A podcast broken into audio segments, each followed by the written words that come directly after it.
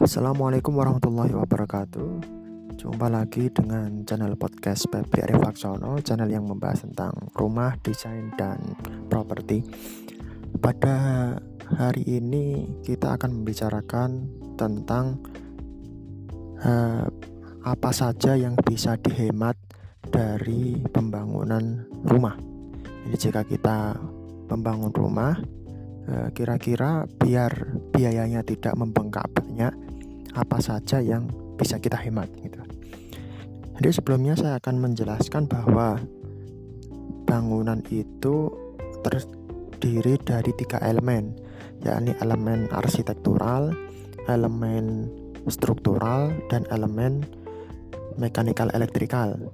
Nah, elemen arsitektural itu adalah elemen yang e, bisa dikatakan kulit bangunan lah Eh, sesuatu yang menempel di bangunan tersebut. Uh, finishing cat genteng itu kan keramik uh, dan berbagai macam pernak-pernik bangunan ya. Uh, pintu jendela dan sebagainya lah itu kemudian kalau elemen struktural itu elemen yang membuat bangunan tersebut bisa berdiri kokoh. Nah, contohnya adalah mulai dari pondasi, kemudian kolom, balok-balok, sloof, berbagai macam yang ada hubungannya dengan struktural dan e, konstruksi. Nah, kemudian elemen mekanikal elektrikal. Ini elemen yang membuat e, bangunan tersebut bisa hidup lah gitu. Yakni contohnya listrik, lampu-lampu saklar stop kontak kalau ada uh, apa wifi itu kan jaringan internet jaringan telepon terus pemipaan uh, mulai dari dapur itu pipa ke septic tank ke resapan air air bersih air kotor itu semuanya adalah mechanical elektrikal nah apa saja yang bisa dihemat? Nah, kita bicara uh, pertama yang tidak bisa ditawar dulu. Yang tidak bisa ditawar itu adalah elemen struktural. Jadi elemen struktural ini, ini jangan dikurang-kurangi karena hubungannya dengan keamanan dan keselamatan. Misalnya kalau pondasinya itu di daerah tersebut uh, membutuhkan kedalaman satu meter misalnya untuk uh, rumah satu lantai, ya jangan dikurangi jadi 50 cm, jangan tetap satu meter gitu kan kalau di daerah tersebut persyaratannya harus memakai eh, pondasi uh, plat atau cakar ayam ya tetap harus pakai pondasi tersebut jangan dikurangi. Misal ahli uh, strukturalnya minta pakai besi diameter 12 mili ya jangan dikurangi ya tetap pakai uh, seperti itu. Ukuran kolom misal yang awalnya 25 cm kali 25 cm ya jangan dikurangi jadi 15 cm jadi kali 15 cm jangan. Tetap kualitas dan mutu dari elemen struktural konstruksi ini harus tetap dijaga karena itu bagian dari keselamatan. Kalau dikurangi nanti misal ada gempa runtuh nah akan hubungannya dengan keselamatan. Jadi elemen yang dari bawah ya pondasi seluf kolom balok Eh, terus apa konstruksi atap itu jangan dikurangi. Spesifikasi besi spesifikasi semen campuran semen uh, betonnya kerikilnya pasirnya itu semuanya jangan dikurangi. Tetap harus yang terbaik gitu. karena berkaitan dengan keselamatan. Terus di mana yang bisa dihemat? Nah ini di elemen arsitektural Nah di elemen arsitektural ini kita bahas ya mulai dari atas saja deh. Mulai dari atas contohnya pemilihan genteng. Nah genteng ini misal budgetnya sangat uh, mepet ya, kita bisa menggunakan begini. Kalau genteng yang paling mahal itu kan uh, genteng keramik ya, genteng keramik itu paling mahal. Di bawahnya ada genteng beton. Uh, di bawahnya lagi ada uh, genteng apa namanya genteng tanah liat yang biasa itu. Nah di bawahnya lagi bisa uh, seng dan atap gelombang yang sejenis asbes itu. Nah tergantung budget kita. Kalau memang kita bisa menekan tetapi tetap tampilannya bagus ya ya pakai aja genteng tanah liat ya kan? tapi kalau budget kita bagus eh, besar ya pakai eh, genteng keramik ya. Nah kalau genteng keramik kan tidak perlu ngecat lagi. Jadi mahal di awal tetapi seterusnya tidak perlu perawatan. Tapi kalau genteng beton, kemudian genteng tanah liat itu perlu pengecatan. Dan mungkin setiap ya lima tahunan nah lima tahunan itu catnya sudah ya memudar. Jadi perlu dicat ulang lagi. Tapi kalau memang budgetnya kurang ya pakai aja genteng tanah liat gitu. Atau kalau memang sangat kurang lagi ya pakai seng ya. pakai seng atau pakai uh, atau gelombang itu yang sejenis asbes tapi banyak yang non asbestos uh, dengan seperti itu bisa mengurangi biaya.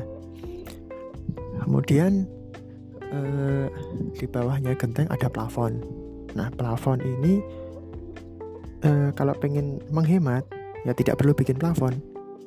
Nah, plafon ini uh, biasanya dari gypsum atau dari GRC atau bisa dari eh, kayu multiplex ataupun dari gedek atau anyaman bambu itu Nah, kalau pengen benar-benar menghemat ya tidak perlu pakai plafon seperti rumah saya karena stylenya adalah tradisional eh, tradisional eh, modern ya.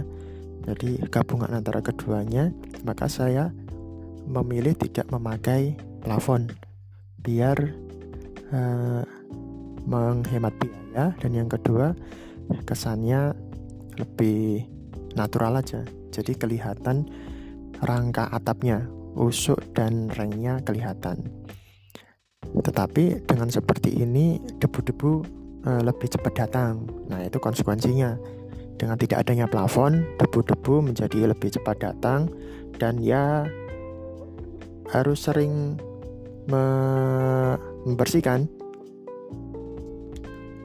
Nah, itu kalau tidak pakai plafon. Tapi misal tetap pakai plafon, ya pilihlah bahan yang lebih murah. Ya misal itu tadi pakai anyaman bambu nah, itu bisa lebih murah per meternya. Nah, kemudian bahan apa lagi yang bisa dihemat? Eh, di bawahnya plafon ke dinding ya dinding. Nah dinding ini kan biasanya dicat. Nah uh, cat cat ini secara style sebenarnya bisa dihilangkan.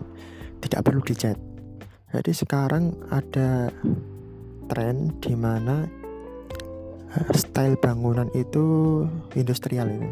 Jadi beton expose temboknya diaci tetapi unfinished tidak tidak tidak sampai di plame tidak sampai di cat jadi benar-benar ya warnanya abu-abu beton itu.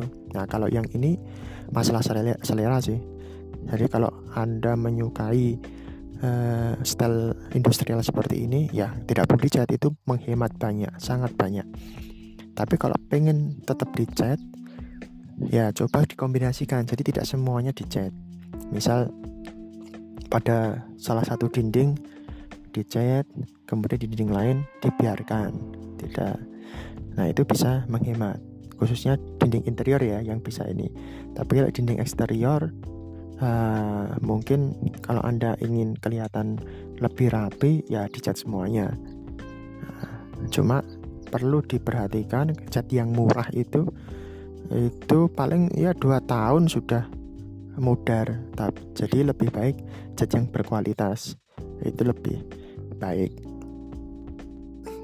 Kemudian eh, ke bawah lagi dinding ada elemen uh, pintu ya pintu dan jendela. Nah pintu dan jendela ini ada banyak material ya sekarang ini. Selain kayu ada aluminium ada juga PVC nah ini harganya tergantung kelas. Jadi bisa jadi kayu itu mahal bisa jadi PVC lebih mahal bisa jadi aluminium lebih mahal. Karena ada kelas-kelasnya. Kalau ingin menghemat maka pakailah misal stylenya anu ya lebih cocok ke kayu. Pilih kayu-kayu yang ya murah. Kayu yang murah. Nanti di finishing dengan cat. Jadi nggak nggak kelihatan jeleknya gitu loh. Ya, kelihatan uh, terlalu murahan gitu karena di finishing. Nah, karena misal kayu jati ada yang sampai mahal ya per meternya bisa 250 ribu. Itu jati super ya. Begitu bagus lah ya pilihlah yang ya murah-murah. Nah, saya dapat yang 80 per meter itu ya honor rego honor rupa lah.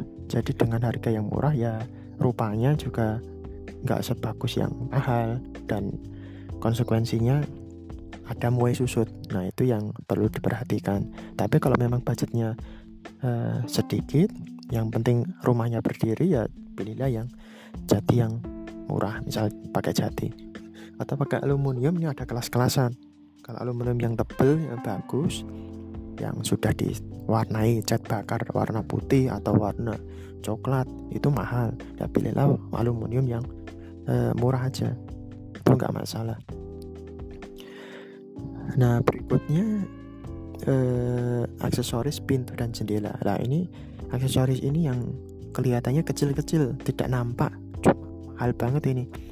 Uh, kalau yang coba sesekali lihat di uh, supermarket bahan bangunan di sana ada yang uh, slot pintu harga jutaan gitu kan. Handle pintu harga jutaan engsel harga ratusan ribu uh, sepasangnya. Nah itu mahal-mahal karena memang bahannya bagus stainless steel anti karat jadi bisa dikatakan seumur hidup tidak rusak. Tetapi kalau budget kita minim ya beli aja yang biasa-biasa saja. Uh, yang uh, saya sarankan tetap yang stainless steel tapi yang paling murah lah. Masuk uh, tanya saja ke toko bangunan uh, beli yang anti karat yang stainless steel yang paling murah. Mana is beli itu aja. Karena kalau yang tidak anti karat itu wah penampilannya nanti uh, hanya beberapa bulan saja langsung uh, ada karat itu loh yang warnanya kuning-kuning coklat-coklat jelek lah. Tapi kalau memang budgetnya us, sangat mepet ya sudah. Mau gimana lagi? Aksesoris pintu jendelanya uh, beli yang murah aja. Oh ya aksesoris pintu jendela itu apa saja sih? Uh, mulai dari pintu ya pintu itu ada handle pintu.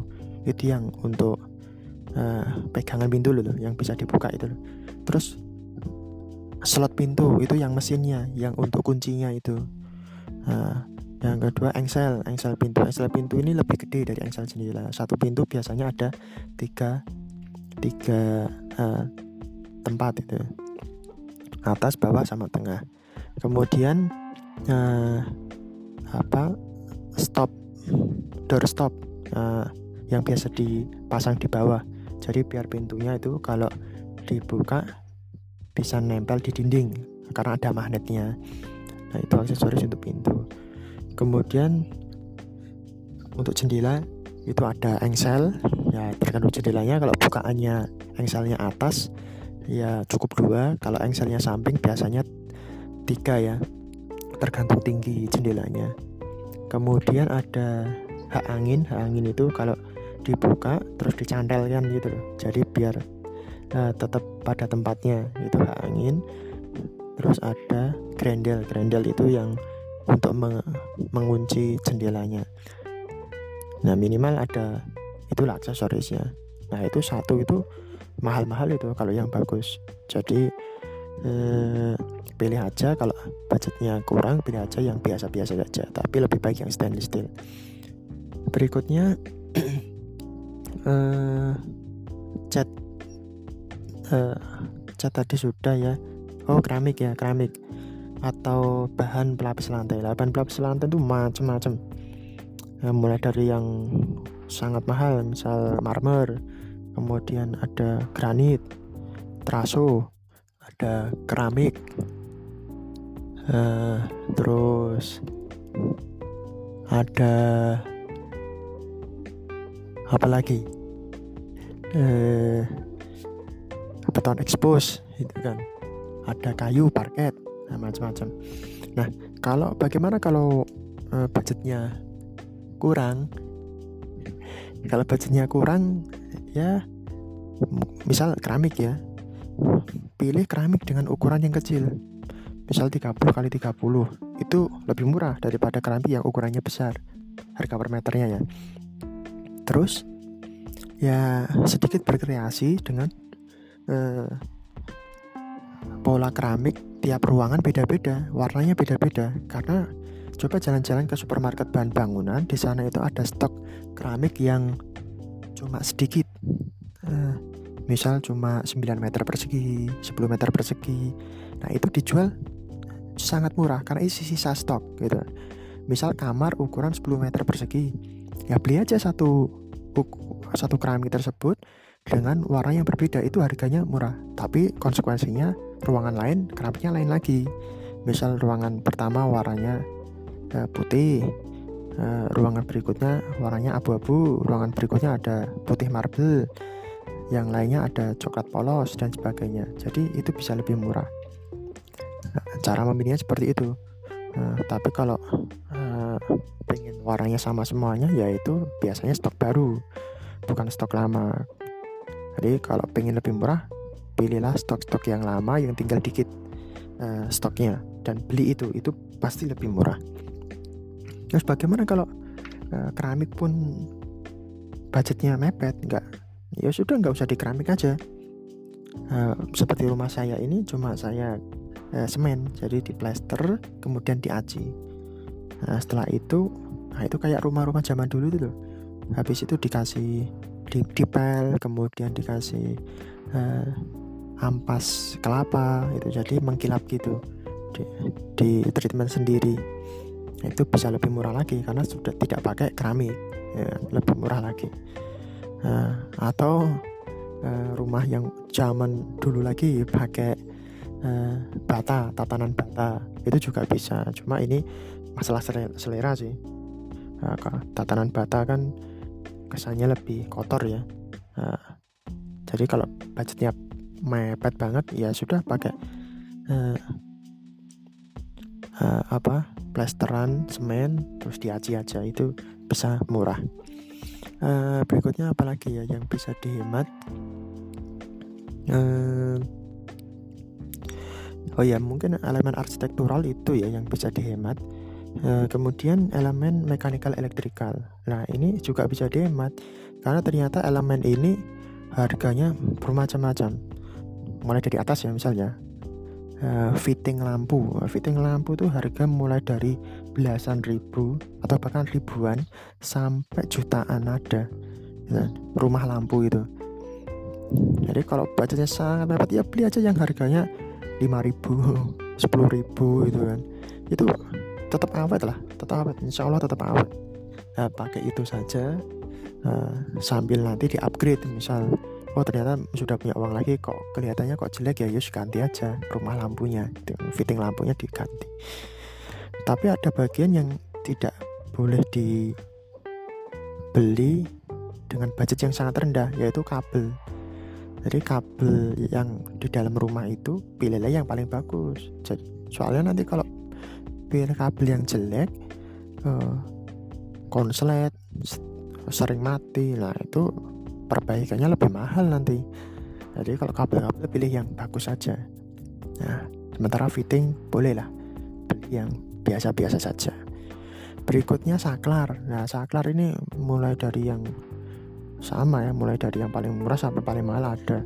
Ada yang broko itu harganya cuma ribuan ya, lima belas ribuan lah gitu kan ada yang harganya sampai ratusan ribu. Nah pilih aja yang yang budgetnya sangat kecil lah gitu kan. E, merek terkenal tapi yang harganya yang paling murah. Nah, kemudian stop kontak sama seperti saklar itu juga bisa pilih yang paling murah. Terus pipa listrik ya pipa listrik itu pip yang biasanya warnanya putih itu kecil yang di nanti masuk ke dalam biasanya tersembunyi. Nah itu pilih aja yang biasa saja nggak apa-apa. Nah, ada listrik ada uh, apa siku ada T ada indus ada uh, apa tedus dan sebagainya itu yang di dalam itu pilih yang murah-murah aja nggak apa-apa. Asalkan kabelnya yang bagus. Berikutnya hmm, pipa. Nah kalau pipa pemipaan karena itu di dalam tanah ya. Misal pipa air bas pipa air kotor dulu ya. Pipa air kotor itu kalau pipa tinja itu 4 in pipa air air kotor yang grey water itu 3 in. Nah ini pilih pipa yang bagus karena itu di dalam tanah. E, biar nggak ganti-ganti misal nanti pakai yang jelek pakai yang murahan e, terus rusak perbaikannya lebih susah lagi. Misal penyet itu loh apa e, misal ditaruh di bawah karpot terus karpotnya ambles kan penyet itu. Nah mending pakai pipa yang lebih bagus. Nah kemudian pipa air bersih itu sama karena ditanam ya. Biar selamanya nggak ganti ya pipa yang bagus. Biasanya ukurannya 3 per 4 in atau setengah in tergantung tergantung pemakaian uh, fungsinya. Uh, itu bisa bisa seperti itu terus apalagi yang bisa dihemat ya? Hmm, mungkin yang bisa dihemat lagi lingkungan ya lingkungan rumahnya misalnya lingkungan rumahnya kan misal ada taman ada macam-macam itu ya itu tidak perlu dibikin dulu. Misal ada karpot ya dibuat seadanya dulu belum ada atapnya. Nah, intinya itu bisa uh, nanti uh, pembangunannya. Nah mungkin ini yang bisa saya sampaikan. Monggo kalau ada pertanyaan komentar dan tambahan diskusi bisa disampaikan di channel uh, podcast ini ataupun bisa juga di uh, eh, WA pribadi di 08995 bisa juga dilihat uh, uh, website kami narsitek.com n g a r s i t e k.com uh, dan bisa juga dilihat di uh, apa Facebook Febri Arif Laksono ada Instagramnya juga Oke, mungkin seperti itu dari saya. Wassalamualaikum warahmatullahi wabarakatuh.